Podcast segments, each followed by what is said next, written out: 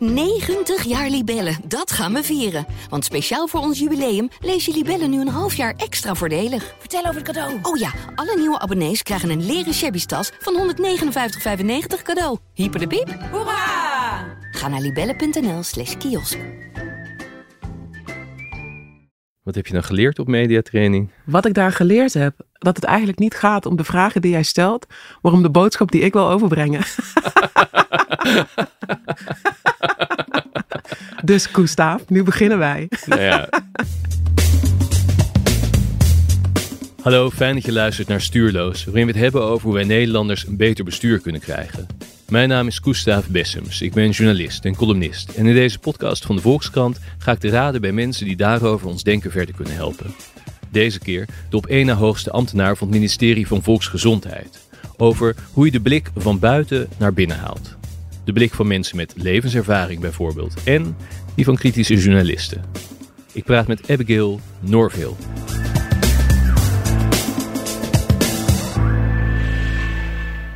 Ambtenaren van ministeries geven zelden interviews. Dat laten ze doorgaans aan hun politieke bazen. Ik ben blij dat Abigail Norville dat toch doet, want de ambtenarij is een belangrijk onderwerp in de zoektocht naar een beter openbaar bestuur, die deze podcast uiteindelijk toch is. Abigail werkte eerder in de gemeentes Vlaardingen en Rotterdam, eigenlijk al vanaf vroeg in haar loopbaan op leidinggevende posities. En ze zwaait nu de scepter over vooral de operationele kant van haar ministerie. We gaan het hebben over het profiel van de mensen die ze binnen probeert te halen, over lessen leren en over openbaarheid.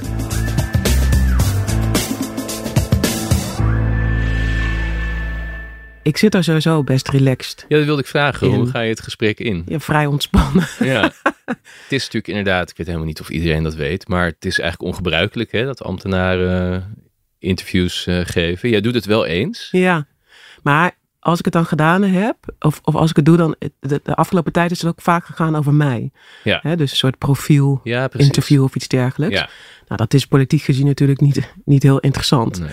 Maar het past ook wel bij de lijn van het, van het ministerie van eh, Volksgezondheid, Welzijn en Sport, waar ik werk, Ja. om dit wel te doen. Ja. Maar iedereen vindt het wel een beetje spannend. Ik vind het in die zin niet spannend. Ik vind het leuk, maar dat komt misschien ook doordat ik spannende dingen wel leuk vind. Ah, dus Ja. ja. Ja, ik merk ook wel dat ik het iets spannender vind dan Ja, de echt? meeste andere gesprekken. Ja, en dat zit deels hier een beetje in, hè? Dat, ik, dat ik me dus bewust van ben dat dat dan iets bijzonders is. Dat Mm. jij er zit en dat ze op dat ministerie een beetje zenuwachtig eh, erover zijn. en ook wel met, hè, er komen in deze serie bijvoorbeeld veel wetenschappers langs. En nu heb ik toch iets meer het gevoel van, ja, maar nu zit ik toch tegenover de macht, weet je wel. Dus nu, Oh ja? Moet daar wel nog steeds aan wennen dat, dat mensen dan mij zien als de macht. hè? ja. Ja. Maar ja, ben je, ja, daar, je bent daar toch onderdeel van. Ja, het is natuurlijk niet voor niks dat mijn functie is plaatsvervangend secretaris-generaal. Dat generaal is natuurlijk vrij heftig. Ja, Dus, ehm, dus nee, dat, dat, dat, ik moet er nog steeds aan wennen, maar ik ben me daar zeker wel van bewust. Ja. Dat mensen zo naar me kijken. Maar het is niet zo dat ik mijn bed uitstap en denk, ja, ik zit op een machtige positie, wat ga ik vandaag eens doen? Nee. Nee, nee, dat, zo, zo stap ik mijn bed niet uit. Nee, behalve dat je vrij kort nadat je je bed bent uitgestapt. eh, ja, hoe ga je naar je werk? Met welke mindset of, of letterlijk nee, hoe? hoe? Letterlijk. Alle topambtenaren bij de Rijksoverheid hebben een auto met eh, chauffeur. Eh, dus ik word opgehaald en ik word ook weer netjes thuis gebracht. En als ik tussendoor afspraken heb, dan word ik ook gebracht en gehaald. En dat vond ik in het begin, want ik kom van de gemeente Rotterdam. Daar Ja. werkte ik eerst. Toen hadden we geen auto met chauffeur, maar wel een, een leaseauto. En ik weet nog wel dat ik deze baan kreeg. En dan, werd, nou, dan wordt je verteld hoe het allemaal gaat. En nou, word, je, word je een beetje voorbereid. En toen kwam er ook bij dat, dat je dus een auto met chauffeur hebt. En in eerste instantie dacht ik, en ik merk dat iedereen dat denkt als die aan zulke banen begint. Van ja, dat is wel heel decadent. Hm. En dat is wel heel heftig. En moet dat nou? Eh, Ik heb een eigen auto, kan het ook zelf. Maar inmiddels heb ik wel door dat het ook gewoon gaat om je eigen veiligheid. Dat je goed ergens aankomt en ook weer goed ergens wegkomt. En het is ook wel een paar keer voorgekomen dat ik bij mezelf dacht, eh, zittend in de auto, ik zou ook echt te moe zijn om terug te rijden. Ja. Dat bedoel je met veiligheid, Ja. de vermoeidheid om, Ja. qua vervoer. Ja, Ja. precies. De stress, hè? bijvoorbeeld als ik, eh, nou, in, in, we zijn nu hier bij jou, parkeren is geen probleem. Maar dat is niet altijd het geval als je ergens eh, moet optreden of moet spreken. Nou, ik zie mezelf niet eh, zoekend in Amsterdam naar een parkeerplek, rennend met mijn speech onder mijn arm. Nee. Ja, ik ben, ik ben naar mensen. Nee, en ik ben me er nog steeds van bewust dat dat niet iets normaals is. nee. En dat, dat, niet, dat je dat niet als vanzelfsprekend moet zien. Eh, en dat zie ik dan ook niet. Van hoeveel mensen ben jij de baas? Oeh, ehm, op het hele departement werken zo'n 1800 mensen. Die zijn niet allemaal van mij. Nee, Of werken niet allemaal in mijn ja, domein, nee dat kolom. hebben jullie onderverdeeld. Dat hebben we ja. verdeeld. Ik denk dat in mijn club zitten er zo'n, nou wat zal het zijn? Ik denk dat ik wel op de 200, 300 kom. Ik Ja. moet eerlijk, gezegd, eerlijk zeggen dat ik dat niet bijhoud of zo. Nee, nee. En ook voor dat hele departement ben jij weliswaar ook als jij niet degene bent die ze direct aanstuurt, maar je bent hun. Dan zijn het er Meerdere. 5000. Ja, Want dan hebben we het kerndepartement. Dat is dus echt wat in Den Haag zit. ja, En we hebben natuurlijk ook nog allemaal ja, de, de concernorganisaties, de zelfstandige bestuursorganen, de raden, de commissies. Daar draag ik ook een verantwoordelijkheid in. maar jij staat er dus niet enorm bij stil eh, bij die positie. Ofwel, je zei ik ben me wel bewust, maar Nou, ik sta daar zeker wel bij stil. Maar het is, het, ja, ik, ik ben geboren in Horst aan de Maas. ja, En ik ben opgegroeid in uh, Grubbevorst, eh, in de buurt van Venlo. Dat maakt mij meer Abigail dan de drie jaar functie die ik nu heb. Ja. Plaatsvervangend secretaris-generaal.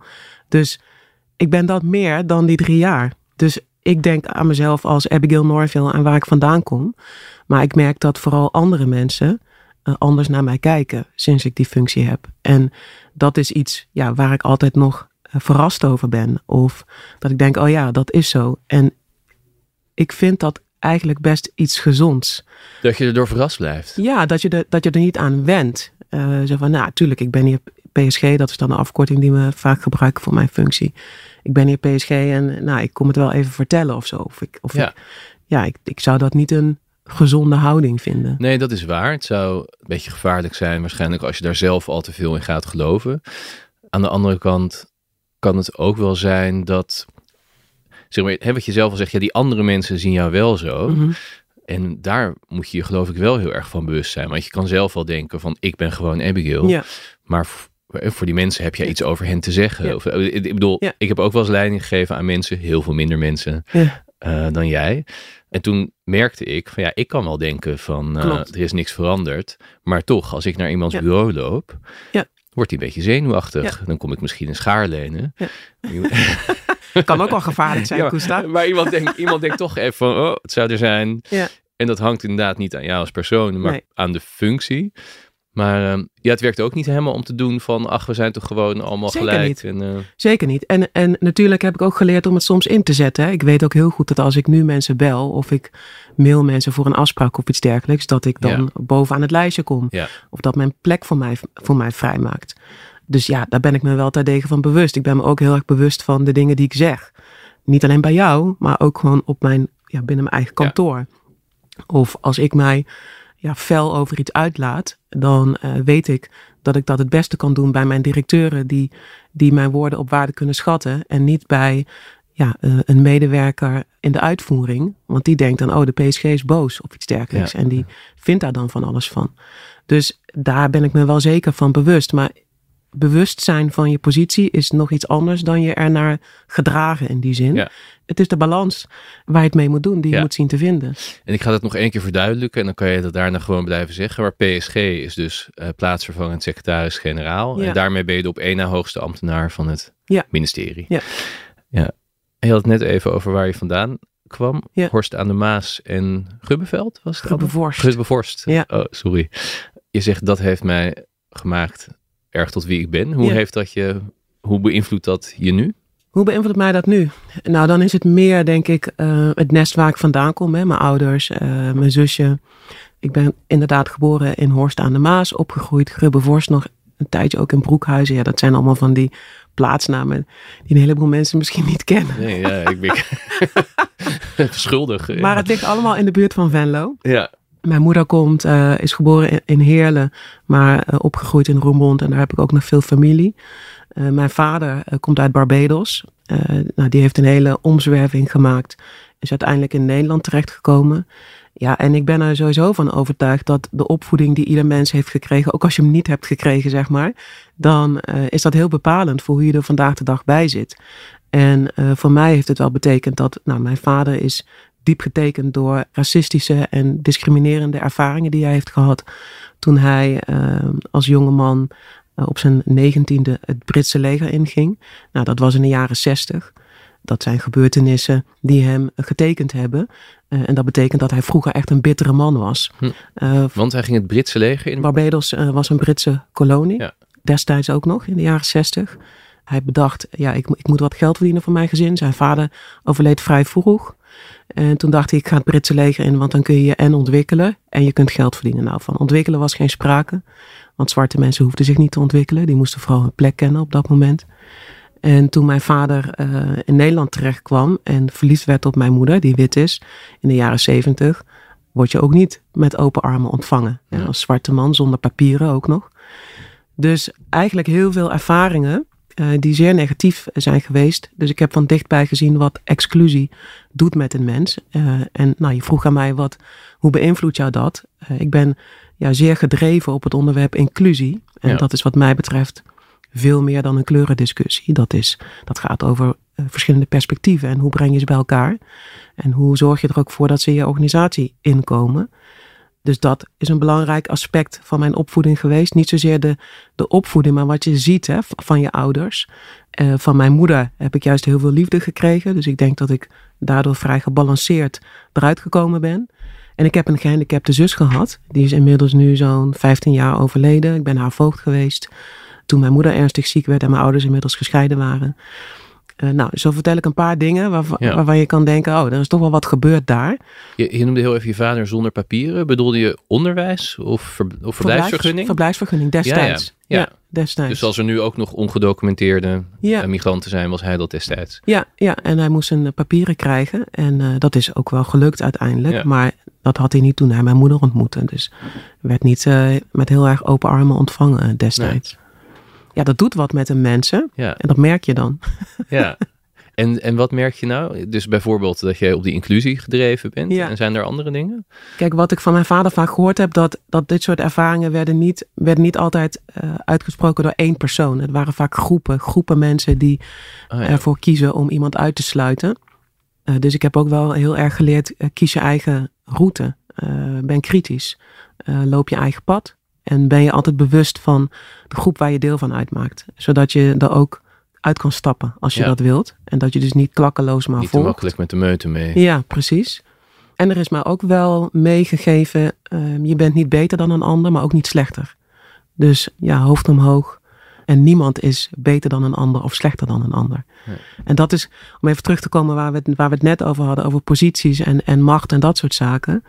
Ja, ik heb dat helemaal niet meegekregen. Dat, dat, ja, dat, dat iemand die macht heeft beter zou zijn. Uh, of, of ja, ergens anders zou staan in het leven.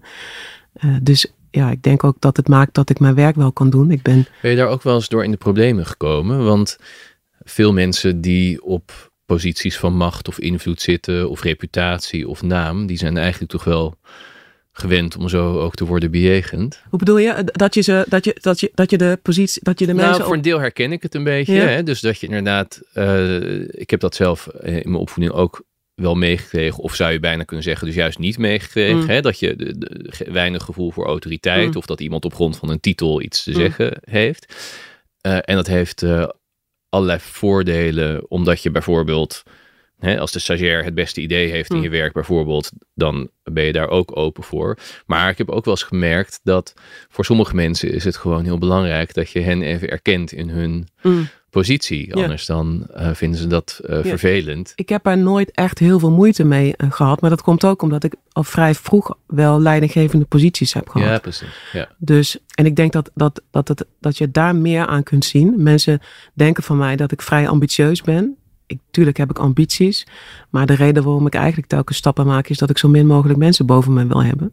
Omdat ik vrij autonoom ben. Ja. En dan kun je dat ook zijn. En ben ik op posities terechtgekomen waar mij ook veel verantwoordelijkheid is gegeven. Ja. Ik denk dat dat er wel een uitvloeisel van is. Ja, en die vraag hè, van, eh, die ik eigenlijk net aan jou stelde, hoe het je nu beïnvloedt waar je vandaan komt, dat is een vraag die jij vaak aan anderen stelt. Klopt. Ja, ja. Klopt. Ik had het daar gisteren met mijn kinderen over. Want die horen natuurlijk sinds corona iets meer van mijn werk. Nu we ook thuis eh, werken en zo. Uh, dus de vraag die ik uh, graag stel in sollicitatiegesprekken is... Uit wat voor nest kom jij? Met welke waarden en normen ben je opgevoed? En wat zie ik daar vandaag de dag nog van of juist niet? want ik vind het ook interessant om te horen als je misschien, ja, ik heb wel eens iemand gesproken die uit een zeer gereformeerd nest kwam en zich daar uit losgeworsteld had. Dan vind ik dat het iets over jou zegt als je je daarvan losgeworsteld hebt. Want Ja. dat, dat is niet zomaar iets om je van je familie op die manier los te maken. Ik vind dat belangrijke vragen om te stellen, omdat ik wil weten wat voor mens neem ik nou eigenlijk aan. En iemands waarden en normen, daar ga je iets van zien op het werk. Natuurlijk ook de ervaring. Maar goed, dat kan ik allemaal op LinkedIn zien of op je cv, dat geloof ik wel. Maar wat voor mens heb ik nu voor me en hoe gaat hij om met, met tegenslagen? Ja, want reken maar als je bij VWS wil werken, krijg je ook te maken met tegenslagen. Dus daar moet je wel mee om kunnen gaan. Ja. En hoe, hoe doe je dat dan? Wat heb jij eh, geleerd daarin? Wat, wat zit er in jouw toolbox? Ik heb één keer gehad dat iemand zei: Ja, ik vind dat wel een hele heftige vraag. Maar toen zei ik ook: Ja, het, het, het antwoord is aan jou. Hè? Ik, ik, ik heb geen weet van jouw verhaal. ja. Dus Want je zit ook ineens tegenover een vreemde mevrouw die Ja. dingen over jouw eh, Ja. jeugd wil weten. ja. Maar vaak zijn het natuurlijk wel functies waar, waar ik de gesprekken voor voer, die gaan over bestuurders, Ja. over leiding geven. En dan vind ik wel dat ik mag weten eh, wie ik eh, naar binnen trek. Ja. En wat vind je dan belangrijk eh, in die antwoorden? Want je noemt dan nou zo'n voorbeeld van iemand die zich heeft losgemaakt. Dat Ja. klinkt alsof je dat een pre vindt. nee, wat ik een pre vind, is dat iemand zichzelf kent. En dat hij ook weet waardoor, waardoor je bent geworden zoals je bent. En een antwoord kan ook prima zijn. Ik heb een hele gelukkige jeugd gehad. Eh, het hoeft allemaal geen drama te zijn. Nee. maar dan nog eh, zou mijn vraag dan zijn: Nou, dat vind ik hartstikke fijn voor je. Dat is niet de achtergrond van mijn vraag. Maar wat, met wat voor waarden en normen ben je dan opgegroeid? En, Ja. en wat doe je daar vandaag de dag nog mee? Zijn, dat, zijn die anders geworden of niet? Eigenlijk is er geen slecht antwoord. Er is geen antwoord wat niet voldoet, behalve als je tegen mij zegt: Ja, ik ben wie ik ben, that's it. Ja. Dat zou ik iets te kort door de Dus bocht het gaat jou er vooral om dat men, want jij neemt dus vooral mensen aan die ook weer over anderen de Ja. leiding hebben. Ja.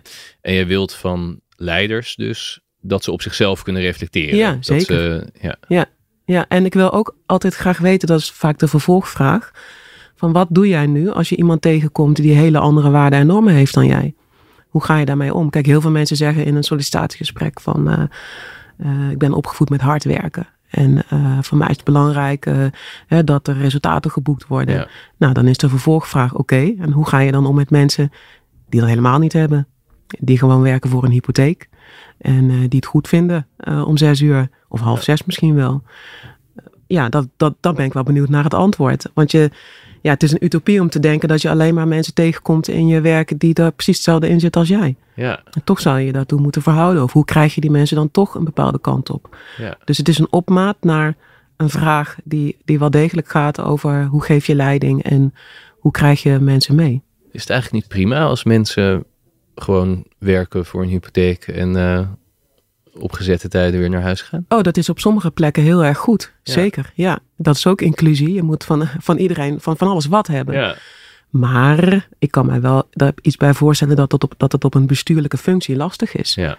Deze mentaliteit. Omdat je dat niet kunt zeggen. Ja, om, om half zes, zes uur ben ik klaar. Nee.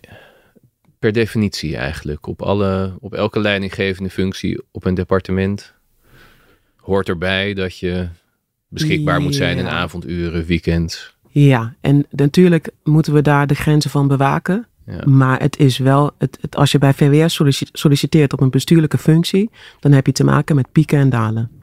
En die kan ik van tevoren niet voorspellen. Maar reken maar dat ze er wel aankomen. Dus qua drukte heb je het dan over. Ja, Ehm, ja. Is het, soms heb je het heel druk en werk je in de avond en in het weekend. En dat kan je op een ander moment eh, echt inhalen. Of is het op, een, op de rest van de tijd is het een beetje is het normaal niveau en soms piekt het. Nou, kijk, je stelt die vraag aan mij terwijl ik eh, nu drie jaar bij VWS werk in een volstrekt abnormale periode. Ja, oké. ja. Hè, met corona De en alles wat, daar, wat ja. daar gebeurd is. We zijn nu weer iets aan het gaan naar, naar, naar iets normalers. Maar ja, mijn werk en ook het werk van een aantal andere bestuurders eh, is niet te plannen met spoeddebatten. Nee. Met, eh, nou, we zitten hier bij de Volkskrant. Met de Volkskrant die af en toe een stuk wilt schrijven. En dan moeten we dan goed naar kijken of het klopt, ja of nee. Nou, Ja. daar heb je niet heel lang de tijd voor. Dan kan je niet zeggen als zo'n stuk ehm, komt voor jou om te lezen of om te checken op facts. eh, kan je niet van zeggen, ja, ik doe dat nu niet. Nee. Want dan liggen of de verkeerde facts op tafel en de volgende dag in de krant. En dan mag ik het gaan uitleggen in een call bij de minister hoe dat is gebeurd dat de verkeerde feiten Ja. eh, in de krant zijn gekomen. Dus voor mijzelf eh, zie ik dat het echt pieken en dalen zijn. En dat ik ehm, ja, tijden heb waarbij, ik, waarbij het soms ook echt nachtwerk is. Maar waarbij ik ook tijden heb waarop ik zeg, ik begin niet eerder dan 11 uur. ja, precies. Dat doe je dan wel. Ja. Ja. Ja. En als je dus mensen werft, Mhm. en je zei van ik ben erg gedreven op die inclusie, je, je stelt mensen ook een beetje persoonlijke vragen over wie ze zijn, waar ze voor staan. Ja. Is dat ook een middel om daar grotere diversiteit in te krijgen, meer verschillen in te krijgen? Zeker. Ik vind het belangrijk om wat meer streetwise ambtenaren naar binnen te trekken. En wat bedoel ik daarmee? Mensen die weten wat het is als een overheid er niet voor je is. Of als een overheid het niet goed gedaan heeft. Ik zie om me heen, eh, met heel veel respect naar mijn collega's, zie ik dat we ontzettend veel kennis en kunde eh, in huis hebben. Eh, maar wel inhoudelijk gedreven. Toch nog net iets te weinig mensen die, nou ja, bijvoorbeeld zich, zich echt kunnen voorstellen hoe het is om te maken te krijgen met discriminatie en racisme. Ik weet nog wel dat ik ehm, een stuk in de bestuursraad kreeg over de aanpak van discriminatie in de zorg. Dat is niet een onderwerp eh, dat direct bij mij zit, want ik ga niet over die, die zorg, zeg maar, eh, binnen het ministerie. Mijn taken richten zich op iets anders. Maar als bestuursraadlid eh, zie ik het wel. En die stukken die waren geschreven en mijn, mijn vraag was toen, hebben jullie, hebben de opstellers een podcast eh, geluisterd? Hè? Eh, bijvoorbeeld de planta- plantage van onze voorouders. Eh, zijn er boeken gelezen, Witte Onschuld? Ja, heb je erin verdiept? En het antwoord was nee. En wat jij noemt wat titels. Ja. Plantage van onze voorouders is een podcast van Maartje Duin, waarin nazaten van eh, plantage-eigenaar en eh, nazaten van mensen die daar als slaven moesten werken, samen op zoek gaan naar die geschiedenis. En je noemde een boek. Ja, Witte Onschuld met- van Gloria Wekker. ja, Die groep, eh, die, die had niet vanuit zichzelf een ervaring op Nee. discriminatie en racisme. en dan moet je erin verdiepen. Dan moet je je er wel in verdiepen. Dan moet je er iets extra's voor doen. En dat kan, maar dat was toen niet gebeurd. Nou, inmiddels wel, heb ik begrepen. Maar ik vind het dus belangrijk om op ja, belangrijke functies ook mensen te werven die streetwise zijn. Je had het nog nuttiger gevonden Ja. als er iemand bij had gezeten die ervaringsdeskundige was. Ja, ja. en eh, dat hoeft niet altijd om kleur te gaan. Hè. Je kunt ook op een heleboel andere onderwerpen in je leven gediscrimineerd te worden. Ik durf te zeggen dat eh, bijvoorbeeld de toeslagenaffaire zijn ook signalen afgegeven eh, van discriminerende activiteiten of zaken. Als jij, als jij in je hele leven nog nooit te maken hebt gehad met zo'n onderwerp en je krijgt dat op, op je tafel, ik kan me goed voorstellen dat je het niet gelooft. Of dat je het niet serieus neemt. Ja. Ik heb nog een ander voorbeeld. Ik, ik heb een paar maanden geleden toch ook maar eens zelf een training gevolgd op, eh, eh, op vooroordelen. Eh, want ik promote dat altijd maar. Ja, ik had hem zelf nooit gevolgd, dus dat klopt dan niet nee. natuurlijk. Dus ik heb hem gevolgd en toen zat ik met een aantal andere collega's in de training. Was toen allemaal nog digitaal. En toen werd ons het filmpje getoond van Sunny Bergman over drie jongens in het Vondelpark die een fiets open proberen Ja, te krijgen documentaire maakster. documentaire maakster. En uh, op YouTube kan je dat, dat stukje ook uh, vinden. En het is een zwarte jongen die aan uh, de fiets aan het sleutelen is. Die zijn fietssleutel kwijt is. Een type zoals ik. Nou, uh, voor de luisteraars, ik ben half. mijn moeder is wit, mijn vader is zwart. En een witte jongen. Dus drie jongens, identiek gekleed.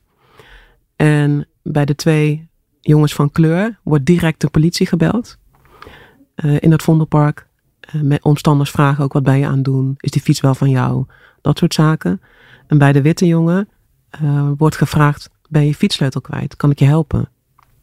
Want de aanname is, dat wordt ook later gecheckt, dat die witte jongen een vader is. Die, want er zat ook een fietsstoeltje op, Ah, op, ja. die, op die fiets, op kinderzitje. En bij die andere twee niet. Nou, ik had dat beeld al heel vaak gezien. En sowieso eh, heb ik zelf ook te maken gehad met discriminatie en racisme. En ook mijn twee kinderen. Twee jongens.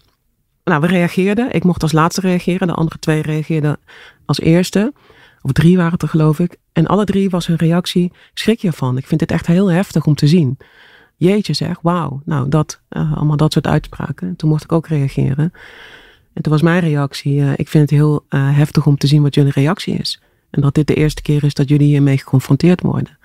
Want dit zijn verhalen die zich afspelen aan mijn keukentafel. Ja. En eh, ik kan het me niet permitteren om. Je hebt twee van die jongens Ja, die ik heb twee zouden van die worden jongens. aangesproken Precies. als ze aan een fiets Of mijn vriend zou ook eh, aangesproken worden. Of mijn vader. Ja. Of mijn neef. Dus ik kan het me niet permitteren om de tv uit te zetten of de krant dicht te slaan. Ja, dat kan ik doen. Maar daarmee verdwijnt het probleem voor mij niet. Nee. En toen was mijn, mijn gedachte wel, ja, ik vind het toch heftig. Ja, dat we op topambtelijk niveau iets extra's moeten doen dus om dit soort perspectieven Ja. naar binnen te krijgen. Omdat het er niet automatisch is. En nu heb ik het over discriminatie en racisme. Nou, je noemde ook even eh, mensen die hebben meegemaakt dat de overheid er Ja. niet voor ze is. Ja. Of zelfs dat, dat ze tegen, er tegenover komen te staan. Ja, hè? weet je, je hoeft het niet altijd zelf, zelf helemaal ervaren te hebben. Maar sta er dan in ieder geval wel voor open of, of ken je blinde vlek. En natuurlijk, een mens kan niet alles weten. Hè? Een, een mens eh, heeft altijd blinde vlekken. Maar ja, misschien toch wel een aantal daarvan die we bij de Rijksoverheid toch nog wat extra moeten adresseren. Want eh, ja, we hadden het net over die dienstauto. Als je niet uitkijkt, flitst de wereld aan je voorbij. Dan word ik een beveiligde parkeergarage ingerold. eh, staat mijn cappuccino klaar als ik binnenkom. Ja. Is dat mijn leven? Maar dat is niet het leven van eh, een heleboel Nederlanders. Nee, nee. En ik vind dat je je daartoe moet blijven verhouden. En dat, dat lukt denk ik door mensen aan te nemen die zowel de opleiding hebben, want die zijn er echt wel, Ja. als die de eh, levenservaring hebben met een overheid of met een instantie of met het leven aan zich. eh, dat het niet altijd in een rechte lijn omhoog gaat. Nee. Ik vind het interessant omdat het eigenlijk, het is, in deze serie is dit een van de doorlopende thema's, zou je kunnen zeggen, is hoe bij allerlei bestuurlijke organen, Mhm. ministeries, uitvoeringsorganen, eh, in de politiek ook wel, Mhm. ehm, ja, hoe de blik van buiten Mhm. toch eh, de binnenwereld Mhm. bereikt.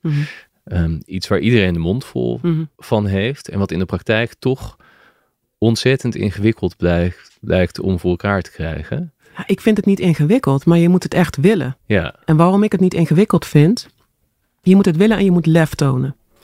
Eh, en wat bedoel ik daarmee? Nou, ik kan een voorbeeld geven. Iedereen bij de Rijksoverheid weet dat ook van mij. Ik ben best wel ontevreden over de werving en selectie van het Rijkstrainee-programma. Nou, ik weet niet of BZK mij dit een dank gaat afnemen, maar ze weten het al van ja, mij. dat is het ministerie geen- van Binnenlandse Zaken en die Ja, gaan over het ja. trainee-programma, Ja. begrijp ik. Het is geen verrassing. Nee. Nou, dan zit ik in allerlei eh, groepjes, vergaderingen, om daar wel veranderingen in aan te brengen. Want wat is de onvrede?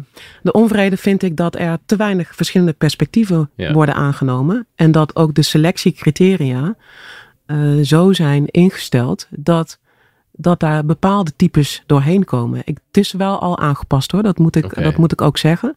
Maar nog steeds blijven er wat mij betreft veel te veel interessante types op die zeef liggen Want die hoe er kom niet je daar doorheen door- het komen. best doorheen? Ehm, Hoog IQ. Hoog IQ, ja. Ja, dat is nu wel ietsje aangepast naar wat meer assessment-achtig. maar zelfs dat kan voor heel veel zenuwen zorgen bij mensen. Overigens, ik score zelf altijd heel slecht op assessment. Eh, voor deze functie scoorde ik goed. Maar dat kwam ook alleen doordat de bolletjes en de eentjes en de nulletjes en de figuurtjes, die had ik niet. Ik had eh, met name eh, casuïstiek. eh, en aan, Ah, hoe zou je reageren Hoe, hoe zou ik, precies. Mijn beeld was drie jaar geleden. Er komen te weinig mensen met een ander perspectief naar binnen. En dat zie je ook echt op foto's. Foto's wil niet altijd iets zeggen natuurlijk. Maar eh, het was een behoorlijk witte bedoeling. Eh, en nogmaals, inclusie gaat over meer dan kleur. eh, maar het gaat ook daarover. Het is niet een non-issue. Dus toen heb ik op een gegeven moment bedacht, ja, het schiet gewoon te weinig op. Kan ik niet iets zelf bedenken? En toen ben ik eigenlijk wel geïnspireerd geraakt, is misschien niet het juiste woord, door de toeslagenaffaire. Omdat ik ook daar zag, eh, ik vind dat er te weinig ervaringsdeskundigen eh, hun bijdrage hebben kunnen leveren. En toen heb ik bedacht, ik ga een eigen traineeprogramma opzetten. Dat had ik in Rotterdam ook gedaan. En ik vond en zag dat er hier bij VWS ook weer behoefte aan was. Nou, dat is gelukt. Ik heb toen bedacht, ik wil een traineeprogramma opzetten dat zich bevindt op het snijvlak van uitvoering en beleid. Nou, laat ik nu een eigenaarsrol hebben naar 21 uitvoeringsorganisaties bij VWS. En als ik daar nou eens drie van vraag, waarvan ik de bestuurders goed ken, zouden jullie mee willen doen aan een pilot? Aan een jaar traject waarin ik voor jullie de mensen werf en selecteer. Dus je hebt er niets over te zeggen. Je moet het doen met de persoon die, die ik met mijn team uh, selecteer en werf. Of werf en selecteer. En die krijgen een specifieke opdracht om de gap tussen beleid en uitvoering te verkleinen. Heel even hoor, want er, komt een snijvlak langs en een eigenaarsrol. Ja. Wat betekent dat uh, concreet? Je noemt 21 organisaties, die vallen dan onder jou? Of zo direct, is dat zo direct? Nee, dat is niet zo direct. Uh, die 21 organisaties, uh, dat gaat Kan je er een paar noemen, als voorbeeld? Nou ja, ja, de Nederlandse Zorgautoriteit, het RIVM, College ter Beoordeling van Geneesmiddelen, Gezondheidsraad. Nou, dat, dat soort organisaties. Die hebben allemaal weer hun eigen wet en regelgeving, om het maar zo te zeggen. En ook hun eigen afstand tot het ministerie. Ja, dat verschilt een beetje per organisatie. Precies. En daar heb ik een eigenaarsrol in. Uh, er zijn eigenlijk drie rollen uh, te specificeren. Je hebt de beleidsopdracht, uh, het beleid. Dat zit ook op mijn ministerie. Dat is zeg maar mijn, zijn mijn collega's, de directeur-generaal. En je hebt de opdrachtnemer, dat is de organisatie zelf en de eigenaar. Nou is het zo dat mijn collega vanuit beleid opdrachten geeft aan bijvoorbeeld het RIVM om iets uit te zoeken of een model te maken of zo. Hè? Ja. dat zijn soms in het nieuws. Komt soms in het nieuws inderdaad. En het is mijn rol om dan te bepalen, heeft het RIVM voldoende middelen, mensen, randvoorwaarden om die opdracht ook daadwerkelijk uit te voeren. Misschien zit ook wel een goed moment om even voor luisteraars die dat zouden kunnen verwachten te verduidelijken dat wij het niet gaan hebben over het coronabeleid. Klopt. Uh, ik ben, heb heel kritisch geschreven over het coronabeleid. Jij zit op het ministerie wat dat beleid heeft gemaakt. Maar in deze constructie ga jij niet over de beleidskeuzes uh, die daarin zijn gemaakt. Maar dus wel heel erg over de uitvoeringskant en hoe die organisaties erbij zitten en hoe dat marcheert. Ja, en of ze voldoende geld hebben, of het ook een beetje goed gaat op bestuurlijk level. Ja, anders denken ze ehm. misschien, ja, nou heeft hij er één en nou doet hij niks. Nee, en daar komt bij, um, tijdens die crisis um, wordt er ook een crisisstructuur opgezet. En daar zat ik niet in. Dus je kunt mij van allerlei vragen stellen erover. Maar kan je daar gewoon uh, ja, geen antwoord op geven. Is, uh... dus, uh, dus zo. Um, waar hadden we het over? Over die organisaties. Ja, ik heb ons helemaal van het pad afgebracht. Maar het pad waar je op zat, dat ging over, de, over het traineeprogramma. Ja. En je vertelde dat je mensen zocht die zowel van beleid als van uitvoering iets weten. Zo vertaal ik het maar even. Ik vind snijf, ik krijg altijd een soort kortsluiting in mijn hoofd van een woord als snijvlak. Oh ja? Ja. Oké. Snap je dat niet? Nee. je, dat is gewoon duidelijk. ja, maar ik ben ook een beetje, ik ben ook al lang ambtenaar. Ja. Dus uh, ik heb ook een paar woorden die ik gewoon gebruik. Ik snap dat, ja, oké, maar ik hoef het niet te snappen. Het is gewoon zo. Ja. nou, misschien ligt mij. Uh, kijk, wij zijn een beleidsministerie. Ja. Uh, ik kom van de gemeente Rotterdam. Ik heb ook lang in Vlaardingen gewerkt. Dat zijn twee gemeentes. dat is een heel ander speelveld. want daar wordt het beleid uitgevoerd. Ja, dan doe je zelf ook de uitvoering. Precies. En hier op het ministerie maken wij het beleid voor de mensen die het moeten uitvoeren. Ja. En natuurlijk hebben wij onze checks en balances uh, proberen in te richten van werkbezoeken en ervaringsdeskundigen ook naar binnen trekken. Of daar uh, op gezette tijden mee in gesprek gaan. Maar dat is iets anders dan op, op, op echt beleidsniveau, beleidsschrijvers, ook de mensen in huis halen die uh, vanuit hun, hun of leven, studie te maken hebben gehad met die uitvoering van beleid. En dat wil je voor dat trainee. En dat wilde ik voor dat traineeprogramma. Plus ik wilde ook graag mensen die niet die niet per se bestuurskunde hadden gestudeerd. Ik heb het zelf ook gedaan hoor, dus prima studie. Maar als je alleen maar bestuurskundigen aan tafel hebt, ja, dan wordt het allemaal wel een beetje uh, veel van hetzelfde. Dus ik ben ook geïnteresseerd in, in bijvoorbeeld filosofie uh, of een heel andere soort, uh, soort opleidingen. Dus toen zijn we gaan zoeken via ook mijn netwerk, het netwerk van een aantal andere mensen die ik kende. van zijn er mensen die bereid zijn om in, dit, in deze pilot te stappen en een jaar lang eh, voor VWS te werken, met wel als doel om daarna te landen. En dat betekent dus ook veel tijd om te landen, om te snappen hoe zo'n ministerie werkt. Ja, om er echt te gaan werken, om er echt, in dienst werken. te Ja, ja, en in dat jaar ja, wordt er ook veel aan persoonlijke ontwikkeling gewerkt. Nou, ik ben toen begonnen met het benaderen van een stuk of drie, vier organisaties van willen jullie met me meedoen? Daarop zeiden zij ja. En toen ik met deze bestuurders in gesprek ging, kwamen eigenlijk ook een paar andere bestuurders van waarom heb je ons niet gevraagd? Dus voordat ik gestart was, uh, ging het al best wel lekker. En we zijn nu met, ik geloof, 14 mensen gestart. Eentje daarvan heeft uh, al redelijk snel een baan uh, binnen de Rijksoverheid gevonden. Helaas niet bij VWS, maar hey, andere ministeries mogen er ook ja. blij mee zijn.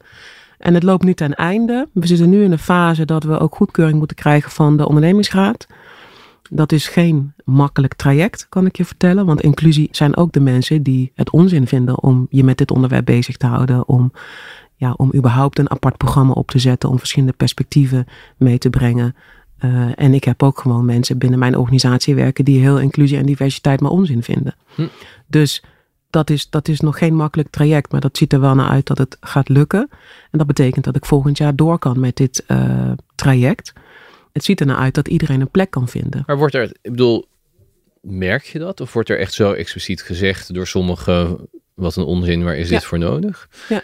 Want je zou toch denken dat we inmiddels in elk geval in de fase waren dat iedereen zich verplicht voelde om met de mond te beleiden uh, dat inclusie zinvol is? Nee, en in alle eerlijkheid heb ik het liever niet. Nee, nee, dat, dit, dit is, het is, je kan beter horen hoe iemand er echt over denkt uiteraard. Ja, ja ik, ik ben er zelfs van overtuigd dat als je dit punt nog niet bereikt hebt binnen je organisatie, dan ben je er nog niet. Ah, oké. Want, leg dat eens uit. Ja, als iedereen maar net doet uh, alsof het uh, uh, leuk is en, en goed is, dat is niet de realiteit. Inclusie kan niet zonder frictie. Dat is mijn overtuiging. Ja. ja. als ik over inclusie praat of spreek op events of op nou, sprekersactiviteiten, dan is de titel altijd, sorry voor het Engels, maar Inclusion if you can't stand the heat, stay out of the kitchen. Ja. En dat betekent ook dat als jij je als professional bezig wilt houden met inclusie en het verder wilt brengen, dan moet je tegen die hitte kunnen. Eerder in deze serie had ik uh, Marilieke Engbersen te gast. En die uh, heeft onderzoek gedaan in veel boardrooms. Met mm. name raden van toezicht in de woonsector. en een andere sector. Yeah. Ja, zij heeft zich erg gespecialiseerd in uh, wat wordt er nou allemaal niet gezegd in dat soort mm. gezelschap. Wat mensen eigenlijk mm. wel denken. Maar ze had het ook op een gegeven moment over wat er nou gebeurt als je echt verschillende perspectieven -hmm. binnenhaalt. en zij zei, ja, als je het echt doet, dan komt er ook irritatie. Tuurlijk. Want het is helemaal niet aangenaam om nee. ineens met iemand te werken die over alles heel anders denkt. Ja. Ja. Nou, dat, dat, dat is ook zeker een aspect. Het is natuurlijk heel lekker om met allemaal gelijkgestemden ja, dezelfde kant op te gaan. Ja. ja, maar ja, dan krijg je wel bijvoorbeeld een toeslagenaffaire of zo. Ja.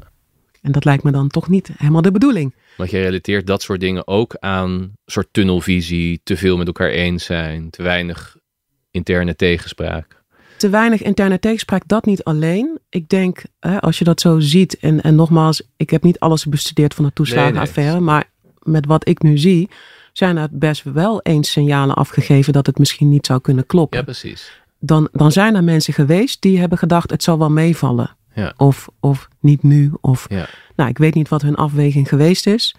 Maar eh, even om het wat concreter te maken. Uh, sinds ik bij VWS werk, hebben er mensen mij opgezocht met hun verhaal over hoe zij zich voelen bij VWS als het gaat om discriminatie en racisme. Ja. En 9 van de 10 keer komen ze bij mij binnen en zeggen ze: Wat ben ik blij dat jij er bent, want ik had het bij een ander niet gezegd. Ja. En dat is waardevol. Ja. En, en ik vind dat we daar ook naar moeten luisteren, want dat bet wat betekent dus dat voor mijn tijd deze verhalen niet bovenkwamen. Niet bovenkwamen. Ja. Maar, ze, maar het werd wel gevoeld. Ja. En doordat ze nu bij mij terechtkomen, kan ik aan de ene kant mensen steunen in hun uh, verhaal, omdat ik hetzelfde heb meegemaakt of omdat ik een, een manier heb gevonden om ermee om te gaan. En laatst kwam ook een collega naar mij toe en, die, en zij was echt opzet, omdat het voor de zoveelste keer was gebeurd dat zij in een overleg, of in een, in, niet zozeer een overleg zelfs, maar in een, in een groepje mensen was aangesproken met van wie ben jij eigenlijk de ondersteuner? En het is een, het is een vrouw met een donkere huidskleur. En ze zegt, ik werk hier al, god weet hoe lang, als senior beleidsmedewerker. Wat maakt dat ik voortdurend de vraag gesteld krijg van wie ben jij de ondersteuner? Ja. Niks ten nadele van ondersteuners, daar gaat het even niet om. Maar wat maakt dat mensen dat telkens denken? En ook naar mij toe, toen ik solliciteerde bij uh, VWS, waren er heel veel zorgen. Kan ze het wel? Snapt ze het wel? Vindt ze het wel leuk. Dat merkte je. Uh, nou, het werd gewoon gezegd. Ja? Ben je wel stevig genoeg? En hoe ik, het, hoe ik het echt heb geweten, is omdat één collega naar mij toe kwam na een week of drie, vier misschien wel. En zijn excuses heeft aangeboden. Nou, ik wist niet eens waarvoor. Ik zeg, hoezo? Wat is er gebeurd? Ja, want toen jouw naam bekend werd en ik ben, hè, ik ben gaan kijken wie jij was. Ja. En toen ben ik naar de SG gegaan en gezegd, je maakt echt een fout. Want zij is niet stevig genoeg. En toen was ik er drie weken en ik had de akkefietje met hem gehad. Waar, waar ik vrij stevig in heb moeten zijn. ja. En toen zei hij, ja, ik heb me echt vergist. Sorry, je bent wel stevig. Hoe vond je dat? Ja, ik heb nog een verhaal, mag dat? Ja, ik wil eerst even weten Wat ik ervan vond. Ja. It's a story of my life. Onderschat worden. It's, it's a story of heel veel mensen hun life. ja. En word je dan word je nog boos op dat moment? Nee. Nee, ik vind het echt het probleem van die persoon. Als ik daar boos over zou moeten worden, zou ik hier zitten als een hele bittere vrouw. En, Ja. dat, wil ik, en dat wil ik juist dat niet zijn. precies, een van de dingen die je niet wilt. We moeten ja. de cirkel door, doorbroken houden. Ja. Ehm, Doet het wel iets met hoe je tegen zo iemand aankijkt?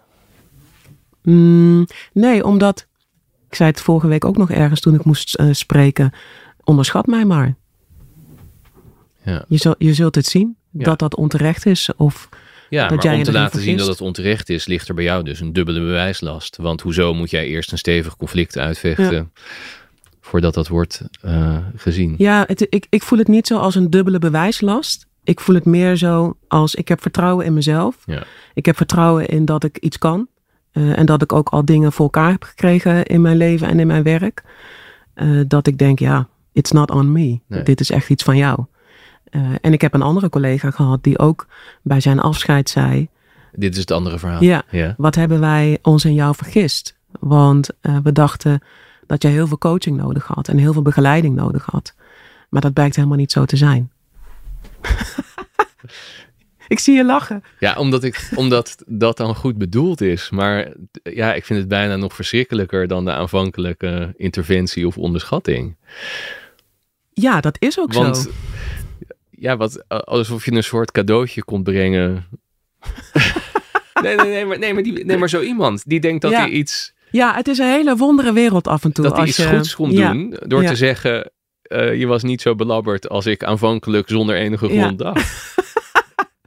Ja, zo kan je het ook opvatten. Ik ga daar niet meer onder gebukt. Ik Nee. denk, ik denk eh, heren, want meestal zijn het heren. Zeker, ja. Ik had Heren. ook heel, ik had geen seconde gedacht dat dit dames waren. Ik denk, heren, dit is echt jullie, eh, jullie probleem. Als je je daarvan, daardoor moet laten leiden, dan, dan heb je inderdaad een, een voortdurende bewijsdrang of voortdurende druk op je schouders. Eh, en dat wil ik niet. Nee. En Eh, dat is ook heel begrijpelijk dat je gewoon op een gegeven moment een soort modus moet Ja. vinden waarin je daar niet meer door uit je evenwicht wordt gebracht. Maar als je het zo even isoleert, is het toch potsierlijk eigenlijk. Ja, dat is het ook. Het, ook toen ik voor deze functie benaderd werd door een eh, recruiter van de Algemene Bestuursdienst. Ik had niet gesolliciteerd, ik had de vacature wel gezien. Ja, dan ga je de route in, eh, of dan ga je de procedure in. Ik heb extra dingen, extra gesprekken gehad. Ja, ja. Eh, en op een gegeven moment heb ik toen wel tegen de toenmalige SG gezegd, hij weet het ook wel.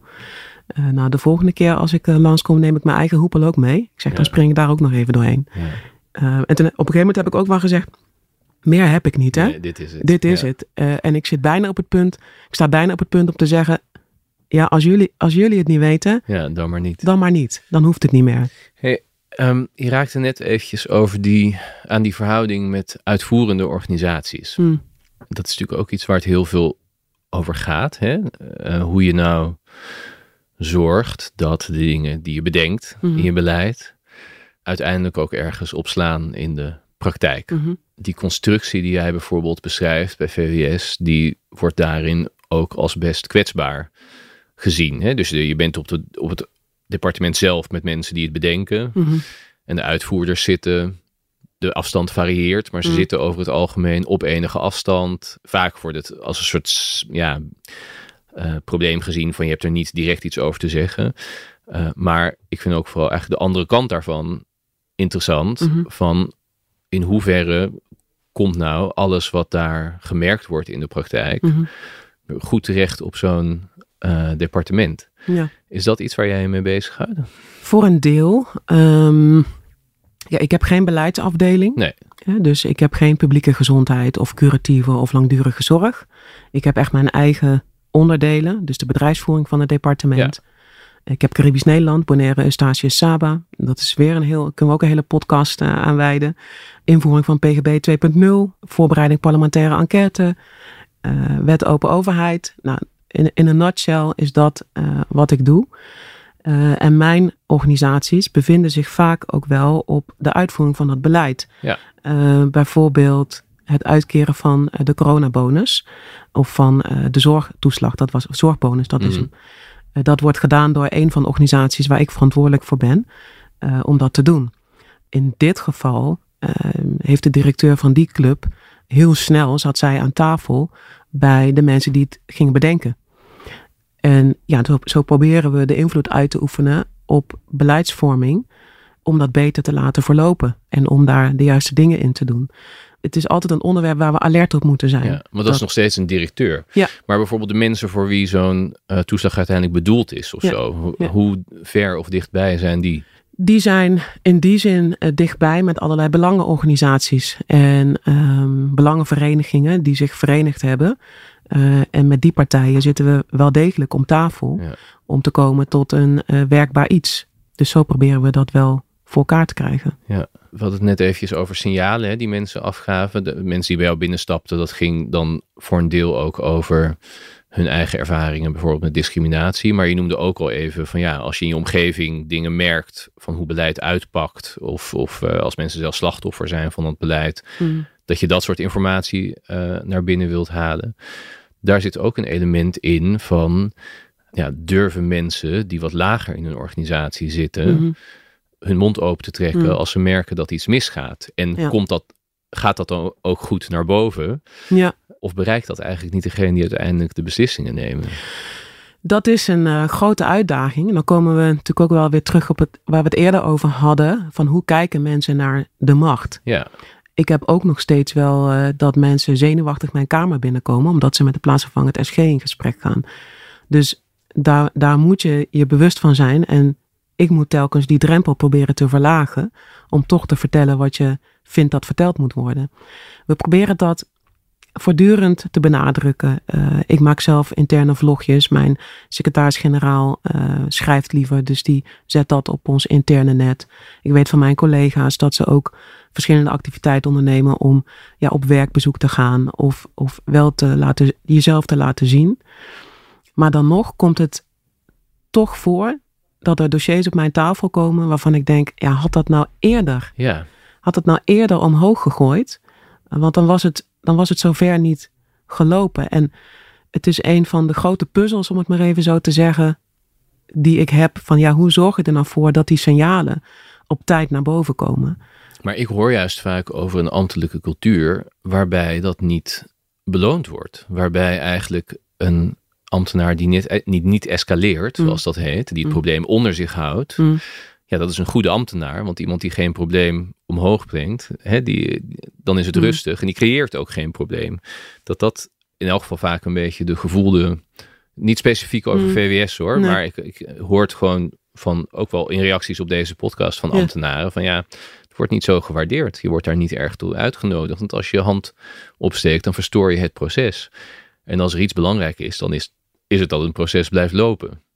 Ja, ik, ik herken dat niet. Nee, Maar ik zit natuurlijk ook niet meer op een representatieve functie wat dat betreft. nee. Ik, ik, ik behoor ook tot die eh, elite. Maar het is niet het verhaal dat ik promoot binnen Nee. mijn eigen club. Ik promoot juist, leg de dilemma's op tafel. En doe dat ook niet te laat. Eh, want vaak komt het voor dat een dossier komt en dan moet ik echt stevige keuzes maken. Omdat, omdat het nou eenmaal al heel hoog opgelopen is. Ja. Of omdat de tijd op is. Of nou ja, eh, van allerlei redenen. Dus ik, ja, ik probeer altijd wel uit te dragen binnen mijn eigen organisatie. Breng het naar boven. We hebben ook vertrouwenspersonen. Je kunt ook met een andere leidinggevende praten. Er werken zoveel mensen bij mij. Je hoeft het niet altijd binnen je eigen club te halen. Er is echt heel veel mogelijk. Maar ik, ik, ja, ik vind het zelf heel. Ja, ik vind het echt een puzzel van hoe zorg je er nou voor dat mensen het gevoel krijgen: ja, ik kan daar mijn verhaal kwijt. Ja, want wat doe je als een dossier jou zo laat bereikt? Ja, eerst waarschijnlijk de meest urgente problemen eh, oplossen. Ja. Maar doe je daarna nog iets met het feit dat het je zo laat heeft bereikt? Zeker, ja, ja. het is waar wat je zegt. Hè? Als het zo acuut is, dan, dan moet je gewoon op dat moment iets oplossen. En zo, zo geef ik ook wel leiding. Korte termijn moet nu opgelost worden. En daarna kijken we wel hoe het beter had gekund. En nou, wie er precies voor verantwoordelijk was of hoe het is gelopen. En in heftige dossiers uh, stel ik die vraag wel, ja. Uh, van joh, wat maakt nou uh, dat het nu pas op mijn bureau gekomen is? En 9 van de 10 keer denken mensen het zelf op te kunnen lossen. Ja. Dus het is ook niet altijd onwil van iemand. Hè? Het is ook soms een verkeerde inschatting. Hè? Dat iets op maandag er nog best oké uitzag en op vrijdag is het helemaal ontspoord. Dus dat mensen dat toch onvoldoende hebben kunnen inschatten.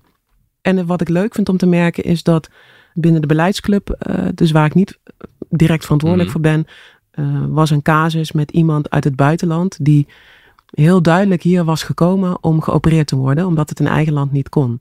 Maar was geen Nederlander verder. Uh, kwam volgens mij uit Honduras zelfs. Hm.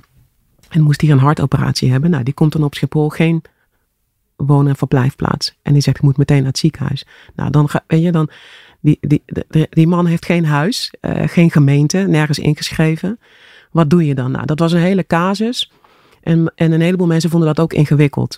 En heb, ze hebben die casus ook afgewerkt, maar mensen voelden zich er onprettig bij.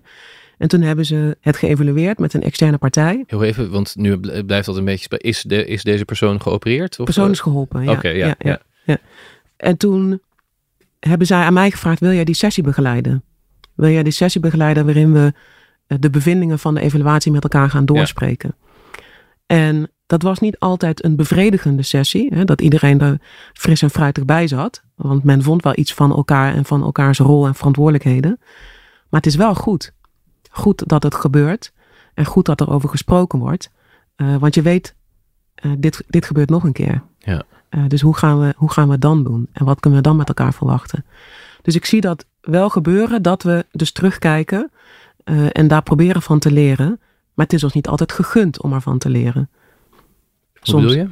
Nou, soms gaan de dingen zo snel. En dan moet je een debat voorbereiden of wordt er een spoeddebat aangevraagd. Dat is niet een tijd om, om in te leren. Nee. Dat is een tijd van voorbereiden, QA's maken, een minister goed voorbereiden. Ja, dan, zit je, dan, zit, dan ben je bezig om die politieke kant uh, te bedienen. Ja. Uh, en dan, komt, dan moet je daarna moet je eigenlijk uh, heel expliciet ruimte maken om er dan nog van te leren. Ja. Ook dat is waarschijnlijk extremer geweest door corona. Zeker. Ja. ja. Ja. Het beeld is toch een beetje, je moet het maar verbeteren als het niet klopt. Maar dat inderdaad een ministerie wat eigenlijk een, nou jij noemt het al een beleidsministerie is. Dus meer Ja. een ministerie wat de dingen uitdenkt. Ja. Ineens een spil in een crisisorganisatie werd. Klopt. En allerlei dingen moest doen waar het niet per se uh, voor geëquipeerd of in geoefend was. Of en ook verantwoordelijkheid verdroeg. Precies, want dat bleek dat je allerlei dingen waren er niet rechtstreeks aan te sturen. Nee. Uh, terwijl de, uh, ja, de minister daar dan wel op wordt aangesproken. Aangesproken, ja, de. GGD bijvoorbeeld. Ja. Een datalek wat daar toen speelde of dat soort zaken. Ja. Ja. Dat is eigenlijk helemaal niet van het ministerie, maar we moesten er toch iets mee. Ja, dus dat zorgt natuurlijk voor een snelkookpan. Ja, toch Effect. hebben we wel geprobeerd om ook in die periode uh, te reflecteren. Uh, dat hebben we gedaan door met de bestuursraad een aantal sessies onder externe begeleiding. Wat is dat, de bestuursraad? De bestuursraad is het hoogste uh, orgaan binnen, de, uh, binnen een ministerie. Dus dat is zeg maar de directieraad, de boardroom ja. van een ministerie. dus daar zitten alle DG's, SG, de directeur-generaal, secretaris-generaal en mijzelf. Ja. En dat is op elk ministerie dezelfde samenstelling, om het maar even zo te zeggen. En wij hebben toen in die periode ook heel bewust tijd vrijgemaakt om te reflecteren. Om het ook te hebben over wat de kritiek met ons doet. Ja, er stond op een gegeven moment ook een keer in een krant. Was het de Volkskrant? Ik weet het niet. Nee, volgens mij niet. Wat stond er? Er stond in uh, de hele top van VWS moet naar huis. Uh, want dan worden de problemen uh, wel opgelost. Ja. Nou, dat heeft hè, bij de ene collega doet dat heel veel. Die slaapt daar slecht van. En de andere collega zegt ja, het zal wel. Dus dan heb je het daarover, zodat je elkaar daar wel in kunt steunen of in kunt helpen. Ja, en over alle, alle agressie en de kritiek die VWS over zich heen heeft gekregen. En nog, ja, daar hebben we het natuurlijk ook met elkaar over. Ja. En daar hebben we het ook, um, hebben we het ook in teams over. Uh, dus daar hebben we ook wel dingen voor georganiseerd. Van joh, um, ja, vertel het maar uh, waar je tegenaan loopt. Of wat je ergens van vindt. Ja. ja, misschien was het wel een stukje van mij. Gustav, echt waar? Was jij het? Ja, Komen we daar nu achter? Ik weet niet of jij het was. Nou, ik heb wel een keer, ik, ik zou het Je had het kunnen schrijven. Nou, kijk, dus mijn twijfel zit er niet in. Ik ben, ik, ben een beetje bang dat ik iets claim, terwijl iemand... Ja, hè, heeft vast iemand anders een belangrijk stuk geschreven wat besproken is door Ja, jullie eh, en vast niet mijn columnje. maar ehm, ik heb wel op een gegeven moment gedacht, en dat ging wat mij betreft niet alleen over de top van VWS, maar bijvoorbeeld ook over zoiets als het OMT. Hmm. Het is gewoon een crisisles, Hmm. dat als je heel lang... hè, dit was een rare crisis, omdat Ja. het een chronische crisis Ja. is. Ja. En zelfs bij een korte crisis is het devies al af en toe moet iemand daar uitgetrokken worden en vervangen. Omdat je gewoon eigenlijk alle signalen eh, staan op rood voor het risico op tunnelvisie. En dat heeft overigens ook nog te maken met die kritiek die jij eh, Het is wel grappig dat je dat zegt van af en toe moet gerouleerd worden. Want er is best wel wat gerouleerd in de top van VWS. Ja. Maar dat was niet goed. Nee? Nee, dat werd door de media gezien als zie je wel. Het is een leegloop van mensen vertrekken bij VWS. Zit daar vast niet goed in elkaar. Enzovoort, Maar vond jij het ook niet goed? Ik vond het goed in die zin dat, ja, het was crisis. Maar er zaten ook gewoon mensen bijvoorbeeld al zeven jaar op een functie. Ja. En eh, daar kwam in hun leven iets anders voorbij. Ja, ja en die dachten- echt toeval. Ja, die dacht ik ga iets anders doen. Ja. Eh, dus dus dat, dat had helemaal niks te maken met eh, de rol die zij hadden in die crisis of, of VWS. Ja. Maar dat, we- dat is niet zo uitgelegd. Nee. Ik, ik kan mij stukjes herinneren dat ja, het is daar een leegloop en er zit niemand meer die er iets van weet. Ja jongens, wat willen we nou? Willen we Ja. nou een roulatie of willen we Ja, dat mensen blijven zitten? ja. ja, maar wij hebben natuurlijk niet een grote journalistenvergadering waarin we met z'n allen afstemmen. Oké jongens, wat willen we van VWS? Roleren of niet? Nou, nou ga dat eens doen. Ja. Eh, dus ik denk dat wat hier aan de hand was, is dat ik gelijk had. dat het goed was, goed is, om als je zo onder druk staat en in een crisis eh, zit, eh, dat er af en toe even iemand met een nieuwe blik eh inkomt. Ja. Maar uiteraard is er ook het risico dat, ja, dat Ja. er kennis weglekt. Ja. En ik kan me voorstellen dat al die kritiek van buiten er ook nog aan bijdraagt dat het nog lastiger is om dan intern elkaar tegen te spreken of intern te reflecteren. Want je wordt natuurlijk een beetje. Hey, je, je, je zit in een unieke positie. Je moet iets doen wat eigenlijk niemand in de buitenwereld helemaal snapt qua Mm. intensiteit en, en Mm. wat het allemaal behelst. Mm. Dan word je ook nog van buiten bedolven onder de kritiek. En die kritiek gaat alle kanten op. Mhm. Hè? Want die gaat, eh, als het corona was, het ging van te snel, eh, Mhm. te hard, te streng, eh, Mhm. verkeerd. Alles is langsgekomen. Dus nou ja, het lijkt mij lastig om daarbinnen dat dan nog georganiseerd te krijgen. Dat je, dat je uitzoomt, reflecteert, elkaar bekritiseert. Ik denk niet dat dat, het, dat dat het was, dat het daardoor lastig was. Want ja, het was lastig om te reflecteren, maar dat had veel meer te maken met de enorme drukte die er was. Dus, dus drukte letterlijk. Ja, gewoon en echt tijd echt en tijd energie. En energie in, Ja. in mensen hun hoofd. Ja. Ik heb nog steeds mensen bij VWS lopen met eh, een PTTS-stoornis. Omdat het zo heftig was. Wat, wat een aantal mensen is overkomen. Of wat mijn ministerie is overkomen. Van dreigementen. Van mensen die... eh, ik heb ook mensen gehad die zeiden... eh, je moet nu die mondkapjes kopen. Want anders dan. Of mensen die met mij wilden sparren. Maar twee Wat weken anders later... dan? Eh, dan dan eh, eh, ga ik het op Twitter zetten. Het ministerie levert niet. En, en ga ik zeggen, ik heb het geprobeerd, maar ik kreeg geen antwoord van jou. Ja. Ik hoop altijd nog dat één zin een Kamerbrief haalt. En dat is, de coronacrisis heeft het beste en het slechtste in mensen naar boven gebracht. En ik heb ook rondom VWS het slechtste gezien en het beste. Hè, dus van mensen die elkaar hebben geholpen. ja, dat mensen, was er ook. Dat was er ook. Ja. Maar die slechte kant was er zeker ook. En de agressieve kant. En, Ja. en ehm, En toch Ja. is wat jij nu beschrijft, hè, ehm, jij hebt dit meegemaakt. Nou ja, een heel beroemd voorbeeld van de- deze dynamiek is natuurlijk eh, hè, de hele eh, affaire rond Siewert van Linden. ja, daar is die. Daar is die. De casus, de naam. Nou ja, Ja, nee, jij, begint, jij begint Ja. over mensen die Ja. zeggen: eh, jullie moeten mondkapjes kopen, anders zet ik het op Twitter. Nou, weet ik niet of hij dat zo letterlijk heeft uitgesproken, maar die dynamiek was er in zijn eh, geval. Ja. En we weten ook inmiddels uit stukken die zijn vrijgegeven dat er intern ook zo over werd gesproken: van het is vervelend dat hij dat beeld eh, zo oproept. Ja. Maar mijn vraag was eigenlijk: ik denk dat, dat als ik het zo hoor, Mhm. Dan denk ik, ja, dan zeg je toch zo de meter op. We gaan, ik bedoel, waarom is dat bedreigend? Waarom is het bedreigend als iemand zegt, ik ga iets lelijks over jullie op Twitter zetten? Het is bedreigend omdat als het daarbij blijft, zou het niet zo vervelend zijn. Nee. Maar je krijgt er ook kamervragen over. Of Ja. er wordt ook een debat over Ja. aangevraagd. En dat is zeker een onderdeel van mijn werk. Of van het werk van een, van een ministerie. Maar als ik terugkijk, dan is er heel veel tijd gestopt in het voorbereiden van debatten. Ja. En ik denk dat het voor een deel hè, prima en nodig, want er- er- dat is nou eenmaal het systeem waarin we zitten. Kamer controleert. Eh, dat zou heel raar zijn als ik daarvan zou zeggen, oh wat een raar systeem. Ja. Nee, dat is een goed systeem. Maar ik kan met mensen maar voor één ding inzetten. Op het moment dat er een debat ge- eh, georganiseerd moet worden, dan eh, gaat heel veel energie daar naartoe. Ah, dus En- de dreiging zit hem niet zozeer in publicitaire schade of dat je daardoor geïntimideerd voelt.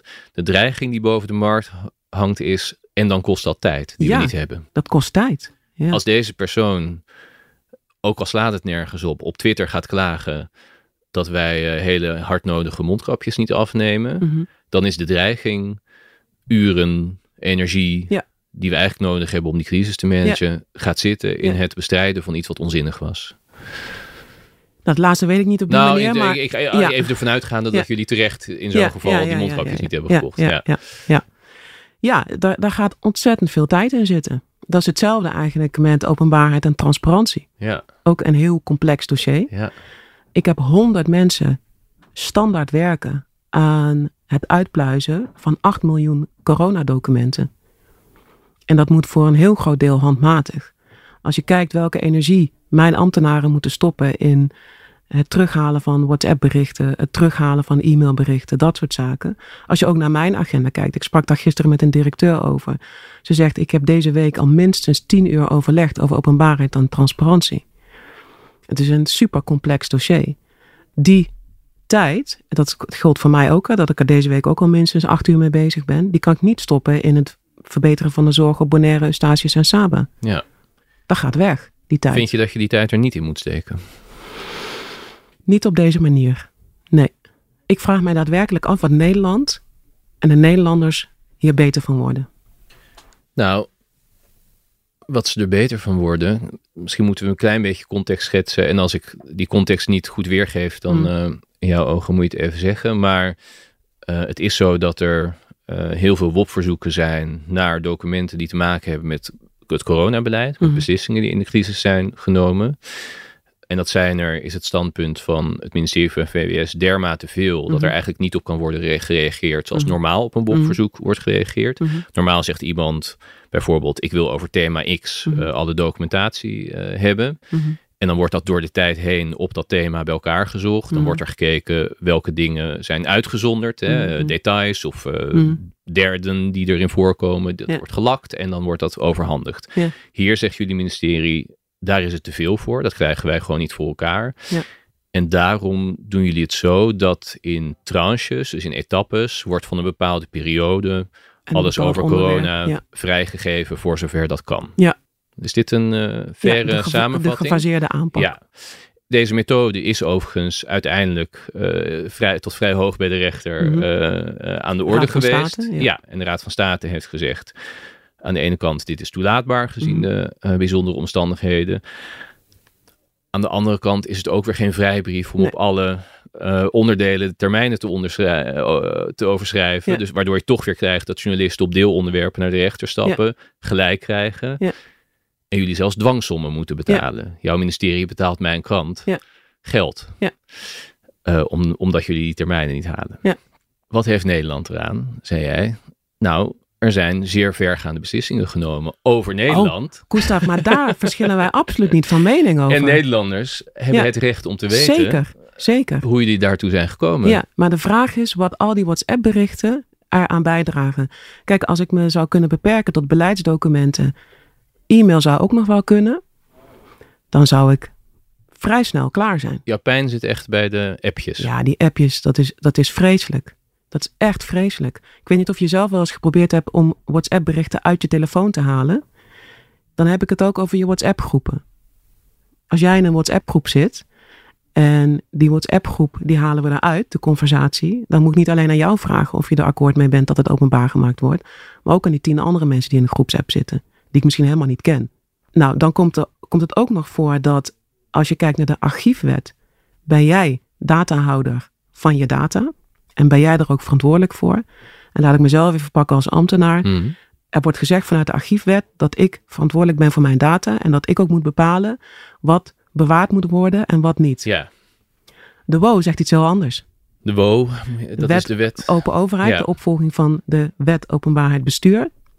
Die zegt dat, stel jij zou een ambtenaar zijn van mijn club die eh, gaat over de eh, wet open overheid en jij moet die documenten be- bekijken in dat licht. Dan kom je naar me toe en dan zeg je, nou, ik wil graag eh, relevante appjes zien. Ja, en hoe weet, ja, dit heb jij nu zelf gedaan, maar dat is niet de bedoeling. Ik moet dat bepalen. Ja. Nou, dat, dat is al, Ja, even, want de archiefwet is wat wordt er opgeslagen Ja. voor ooit later. Ja. Wet open overheid is de wet op grond waarvan een burger, maar Ja. vaak zijn het ook journalisten, Ja. eh, informatie eh, kunnen vragen. Ja. Voor, die, voor dat archief, dat kwam inderdaad pregnant aan de orde toen het over de sms'jes van de minister-president ging. Ja. Blijkt de instructie te zijn, inderdaad, ja, dat je zelf, moet, Ja. dat, zelf dat goed moet bewaren. Ja. Bij de wet open overheid wordt dat juist niet vertrouwd, zeg jij. Dan is een ander paar ogen nodig die dat doet. Ja. Dus dat is ingewikkeld. Dat is ingewikkeld, want als je het, en een parlementaire enquête heeft dan, als je daar gegevens voor moet verzamelen, heeft ook weer net een iets ander stramien.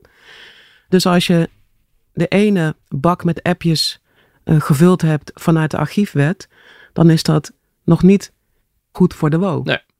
Dus dan Dus- kan ik het of overnieuw doen, Extra werk. extra werk. Ja. En dat is allemaal niet geautomatiseerd. Maar kunnen we het daarover eens zijn dat in Nederland eigenlijk gewoon de informatiehuishouding niet zo goed op orde is? Dat is waar, maar ik heb niet zoveel in die analyse. Nee, maar goed.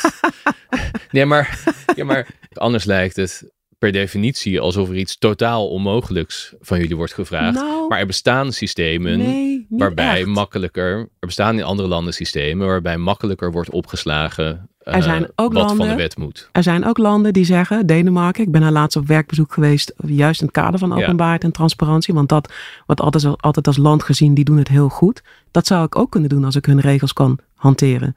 En dat is namelijk, WhatsApp-berichten vinden wij niet relevant, Ja. want daarmee worden geen besluiten genomen. Maar als je beleidstukken wilt en e-mailberichten, ja prima, die Ja. hebben we. Dus die kunnen binnen zes dagen dingen openbaar Ja. maken. Maar hebben ze ook iets beter georganiseerd dan hier, toch? Ze hebben het iets beter georganiseerd. Maar wat ze eigenlijk beter georganiseerd hebben, is dat zij WhatsApp-berichten buiten beschouwing laten. Ja. En ze hebben ook nog, en dat ga jij heel leuk vinden, Gustav, maar niet heus. Als jij een verzoek indient eh, in eh, Denemarken en ambtenaren zeggen, zeggen daar, Gustav, dit kost ons meer dan vijf tot zes werkdagen, dan behandelen ze het niet. Ja. Dan moet jij je verzoek specificeren en dan moet je duidelijk aangeven, dit is wat ik wil hebben en dit is hoe ik het wil hebben. Ja. En dan gaan ambtenaren zeggen, nou dat kunnen we doen, ja of nee. Maar er zijn in Nederland ook best veel journalisten die graag zouden willen specificeren wat ze Ja. willen hebben. En daar hebben we echt een stap in te maken. Want dat is wat je van journalisten hoort. Ging iemand maar met mij zitten om te kijken waar het me om te doen is. Ja. Er is nu een soort loopgravenoorlog ontstaan. Waarbij, denk ik, denk dat dat op elkaar inwerkt. Journalisten denk ik, gooi het maar breed uit. En jullie die, die tranches eh, periodiek eh, over de schutting gooien. En er niet meer zo heel veel communicatie lijkt te zijn over wat is het wat een journalist echt wil weten en waar die Mhm. ook recht op heeft en hoe kan ik dat zo goed Ja. mogelijk doen. Ja. Je hoort ook dat het erg snel richting WOP wordt geduwd als het ware. Mm. Dat eigenlijk een gewone persvraag, Hmm. ja, dat daar gewoon niet goed genoeg antwoord op komt en dan wordt er gewopt. Ja, dat, dat weet ik niet, dat laatste. Nee. Maar het eerste herken het je eerste, wel. ja, herken ik wel. Maar dat heeft ook alles te maken met de achterstanden die ik heb. Ja. Dus op het moment dat je zoveel achterstanden hebt en je moet dat nog wegwerken, Ja. dan is er nog weinig ruimte om het op eh, de manier te doen zoals jij hem ook stelt. Maar dat is zeker wel een route die we Ja. opgaan. En jullie hadden al wat achterstand voor corona. ook hè? dat, ook dat. Ja. Ja. Komen jullie hieruit, denk je? Dat is wel mijn bedoeling. Dat is wel waarom ik hier zit. Ja, niet hier letterlijk op deze Nee, nee. stoel nu bij de Volkskrant, maar dat is wel wat ik wil, zeker. Ja. Ja. Maar is het ook realistisch? Jullie hebben op een gegeven moment inderdaad flink opgeschaald. Hè? Mhm. Tikkie laat, zei de rechter, geloof ik. Hm. Eh, maar is wel gebeurd. Dus er Mhm. zitten veel mensen hard aan te werken. Mhm. Maar er komen natuurlijk ook voort- voortdurend weer nieuwe dingen bij. Ja. Is er licht aan het eind van de openbaarheidstunnel? Nou, er moet wel iets anders gebeuren. Dus we zijn daar intern hard mee bezig om te kijken, ja, kunnen we met ehm, met wat meer slimme tools toch meer snelheid bereiken. Ja. Eh, dus bijvoorbeeld kunnen we iets bedenken waardoor er meer digitaal gekeken wordt of een document wel eh, relevant is. Ja. Maar dat moet allemaal gebouwd worden. Het is er niet. Nee. Dat is ook een beetje de situatie waarin ik zit. Natuurlijk krijg ik ook hulp van andere departementen met hun kennis of van BZK, wat eigenlijk het leidend ministerie is op dit gebied om daar de richtlijnen op, eh, op neer te zetten. Maar er is geen enkel departement dat op dit moment zoveel WOP-verzoeken heeft lopen, of WO inmiddels, als dat VWS dat had. Ja. Dus we staan daar ook een beetje alleen in. Ja, dus niemand kan jullie goed vertellen hoe dat moet. Precies. Ja, je noemde het zelf ook al. Dit was niet een crisis van, van zes maanden. Nee. Dit was een crisis van twee jaar. Waarin in de eerste periode ook nog eens een keertje heel veel gecommuniceerd is per WhatsApp en Ja. eh, e-mail. Want we zagen elkaar niet meer. En nee, iedereen zat natuurlijk thuis. iedereen zat thuis. En Ja. de videocalls waren toen ook nog niet helemaal up to speed, om Ja. het even zo te zeggen. Dat werd allemaal heel snel, werd dat wel geregeld. Dus Maar het is in die zin ook een soort administratieve nachtmerrie qua Ja. omstandigheden. Ja, Ja. ja. dat, dat is het echt. En ik snap jouw kant en de kant van jouw collega's heel erg goed. Hè? Ik heb laatst ook met een andere journalist gesproken en toen zei ik, je hebt gelijk. Je hebt recht op die stukken. Je hebt recht om ze te krijgen. Maar wat als het mij uitvoeringstechnisch niet lukt? Ja. Dan, dan kunnen mensen naar de rechter gaan. Maar wat men zich ook niet realiseert is dat het het hele systeem doorkruist. Want als jij naar de rechter gaat en ik moet het sneller doen, moet een ander langer wachten. Dus ga ik daar weer een rechtszaak krijgen. Kijk, wat ik heel fijn zou vinden, maar ja, ik denk dat het een beetje te laat is. Een andere journalist zei tegen mij: Joh, Abigail, waarom heb je nooit tijdens het, het, het bedenken van die gefaseerde aanpak niet alle journalisten bij Ja. elkaar genomen van jongens, ik zit met een dilemma. Hoe krijg ik dit voor elkaar? Ja, heb ik niet aan gedacht. Ja, dat kun je me verwijten. Eh, maar er was toen ja, ook echt een druk van we redden het niet meer, we moeten wat doen. En toen leek dit de beste oplossing. Ik zou heel graag nu met, met een heleboel journalisten in gesprek gaan en zeggen: Oké, kunnen we ergens op uitkomen dat we zeggen: dat is waar we Ja, nu de aandacht op zetten. Maar als er één niet wil, ben ik al weg. want je kan niet met sommigen wel zitten en met de anderen niet. Nou, stel dat jij en ik een afspraak maken. Abigail is oké. zowel NRC, Volkskrant als Trouw, nou noem maar op. We gaan nu allemaal inzetten op eh, vaccinatie, Hmm. beleid of iets dergelijks. Ja. Dat je het thema kiest wat Precies. prioriteit krijgt. Precies. En als we daaruit kunnen komen. Maar als één journalist bedenkt, ja, maar ik wil toch gewoon dat mijn verhaal Ja. nu even eh, snel gaat en ik ga toch naar de rechter. Ja, dan moet ik daar capaciteit weghalen om aan die rechtszaak te werken. Waardoor jouw prioriteit toch weer minder snel gaat. juridisch heb je geen grond om te prioriteren. Kan je niet Nee. zeggen, dit onderwerp gaat nu voor. Nee. En dat kan bij gewone persvragen wel. Ja. Dan kan je gewoon beslissen, dit is nu urgent. Ja. Maar zodra je in dat juridische traject zit, mag je het een niet voor het ander behandelen. Klopt, Ja. klopt. Dan is het een, hè, het is een, een soort kaartenhuis of, of een, een, een spinnenweb. Eh, dat als ik aan het ene trek, dan heeft dat effect voor het andere. Ja. Eh, en ik zou super graag uit het juridische willen komen. Maar dat kan ik niet alleen. En ik begrijp ook heel goed dat journalisten misschien zeggen: ja, dat is allemaal leuk, eh Norville. Maar Ja, en inmiddels is dan ook de vraag van hoe goed vertrouw je elkaar nog. Ja. Hè? De En- belangen oh. lopen natuurlijk in die zin niet eh je hebt geheel helemaal synchroon. gelijk over dat vertrouwen. Maar de vraag is: wie, wie moet er dan beginnen? Ja, En, en is er iemand die de deur een beetje open wilt houden? Of, ja, of blijven we elkaar bevechten op: dit is mijn recht en dit is jullie plicht. Dus voer het uit. ja. En dat is, dat is de dynamiek waarin ik nu Nou, zit. en er zit gewoon een all-out toch verschil in belangen. Waarbij, kijk, de, de controle van de journalistiek op de macht zit er ook in. Dat wordt uitgelicht daar waar het misgaat. En de natuurlijke impuls van de mensen met de macht is niet altijd om dat als eerste te komen aandragen en naar buiten te brengen. Ja, dat zeg jij en dat hoor ik vaak. Maar ik zie daar binnen het departement echt heel weinig van. Ja, Dat, dat we dan denken, oh, iets is ingewikkeld. Nou, laten we dat maar even naast ons neerleggen. Het is echt een uitvoeringsprobleem. Hoe krijgen we het voor elkaar? maar soms Ja. nog niet. Ik bedoel, daarom zou ik het ook niet snel eens zijn over die appjes. Eerst wisten we toch niet dat Hugo de Jonge zich had bemoeid met de Seward deal. En toen, omdat hij uiteindelijk onder druk zijn appjes naar de Kamer stuurde, wisten we het toch wel. Ja, dan is het natuurlijk een heel lastig onderwerp. Ja, Ehm, ehm, maar nog steeds, ehm, wat, wat was die bemoeienis? Want, want wat men graag wilde zien en horen, zal ik daar eerlijk over zijn, Mhm. is dat Hugo de Jonge de deal gesloten heeft met Siewert. En daarvan is gewoon geen sprake. Dat kunnen we ook zien in het rapport. Dat was hij niet. Wat heeft hij wel gedaan? Ja, hij heeft iemand naar binnen gebracht. Hij heeft gezegd, joh, ga eens praten. Dat doe ik ook heel vaak. En met interessante mensen die iets kunnen betekenen voor VWS, zeg ik ook wel eens tegen mijn directeur, Ja. joh, ga eens praten met die. Nou, waar men in dit geval nieuwsgierig naar was, maar ik snap dat dat een lastig onderwerp is, is of de minister die hardop tegen het volk had gezegd, ik ben er niet bij betrokken geweest, Mm, wat iedereen een beetje moeilijk voorstelbaar vond in dit geval, mm, er echt niet bij betrokken was geweest. En Ja. toen was hij het toch. ja, ja. Ja. Nou, dat is aan hem. Ja. Wat zou je nog, als het dus gaat om het naar binnen halen van perspectieven van buiten, Ja. wat zou je nog het liefste willen? Wat mis je nog? Ik zou willen dat we iets minder waarde hechten aan, aan de Haagse ervaring. Dat is toch vaak wat ik terugzie eh, in sollicitatieprocedures. Ja. Dat het soms ook op papier staat. Ja, je moet wel ervaring hebben in het Haagse. Ja. Ja. nou ja, dat is echt. eh, Ook dat is hier wel eens langsgekomen. Maar als je naar die vacatures kijkt, die zijn soms heel bijzonder. Hm. Want soms moet je namelijk ook wel degelijk allerlei vakinhoudelijke Ja. kennis uit een veld hebben. Maar uit de rest van de eisen blijkt, je moet eigenlijk ook al tien jaar op het ministerie werken. Ja, ja. nou dat, daar zou ik graag vanaf willen. Ja. En ik denk dat het op sommige functies gewoon wel goed is hè, dat er eh, ervaring op zit.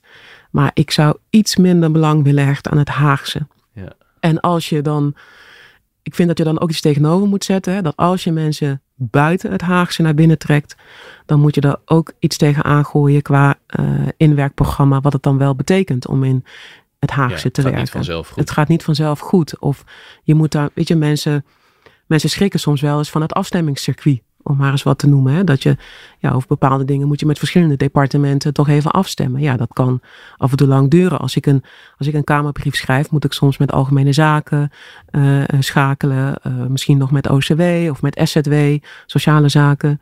Ja, daar kan je wel eens van denken, wauw, dat is wel heel fors. En Ja. wie moet ik dan hebben? Terwijl ze misschien wel en niet eraan moeten wennen, denk je niet? Want je wil ook niet dat iemand er helemaal erin opgaat. Ben jij erin opgegaan voor je gevoel? Ja, ik snap wel hoe het werkt. Maar ja, dan moet je eigenlijk aan een ander vragen. Hè? Vind ik had zo raar over, over mezelf te zeggen. Ik snap hoe het werkt, maar ik kan me er nog steeds over verbazen. Ja. Ja. Dat is ook wel nuttig misschien. Ik denk van wel. Ik vind van wel. Oké. Ja, tuurlijk loop ik ook wel eens bij, bij een collega binnen van, nou, dat dit nu zo gaat. Of belachelijk. Of Ja. eh, Als je dat niet hoe meer dan? doet, moet je weg, toch? Dat denk ik, ja. Ja. Als je het allemaal maar voor lief neemt, dan kan je het ook niet meer veranderen. Kan je het ook niet beïnvloeden om het te veranderen als je, het, als je, als je denkt, nou, het is, Nee. het is, het is oké zo. Nee, af en toe even wisselen aan. Even, even wisselen, ja. Oké. ja.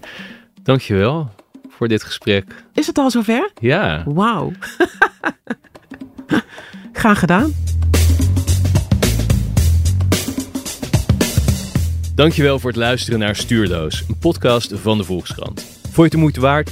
Deel hem dan alsjeblieft in je netwerk of op sociale media. Of geef ons een hoge waardering in je app of zelfs een recensie. De gast was dit keer Abigail Norville. En als je je abonneert in je podcast-app, dan krijg je een bericht als een nieuwe aflevering er is. Deze stuurloos was nooit mogelijk geweest zonder de montage van Rinky Bartels, de ondersteuning van Sophia Robbe en de eindredactie van Corine van Duin. Tot de volgende keer.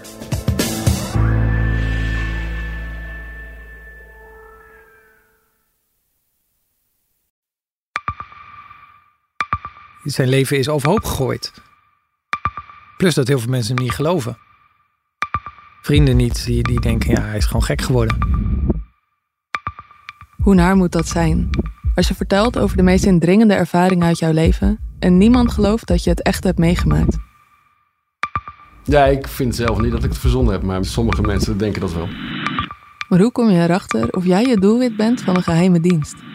Ik heb ook wel eens meegemaakt dat je het idee hebt dat inlichtingendiensten in je geïnteresseerd zijn. En dan kun je wel heel veel zien, wat er misschien helemaal niet is. Als ik s'avonds nog iets ging eten, dan volgden die mensen mij naar het restaurant. En dan terug van het restaurant naar het hotel. Als zij op een gegeven moment zei, kijk maar uit, want anders word je dadelijk nog ontvoerd ook. Shit, ik moet hier weg. Dat is, dat is niet goed. Nu word ik gevolgd. Een soort Truman Show is het gewoon. Hè?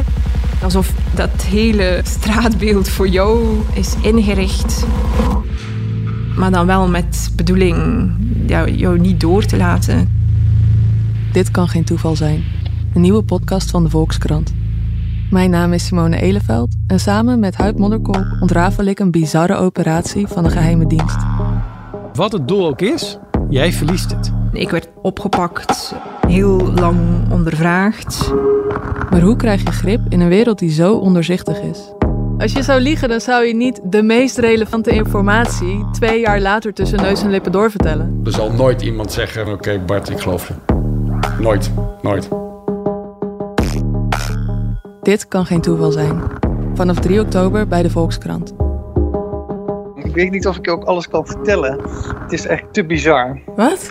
Ehm, ja,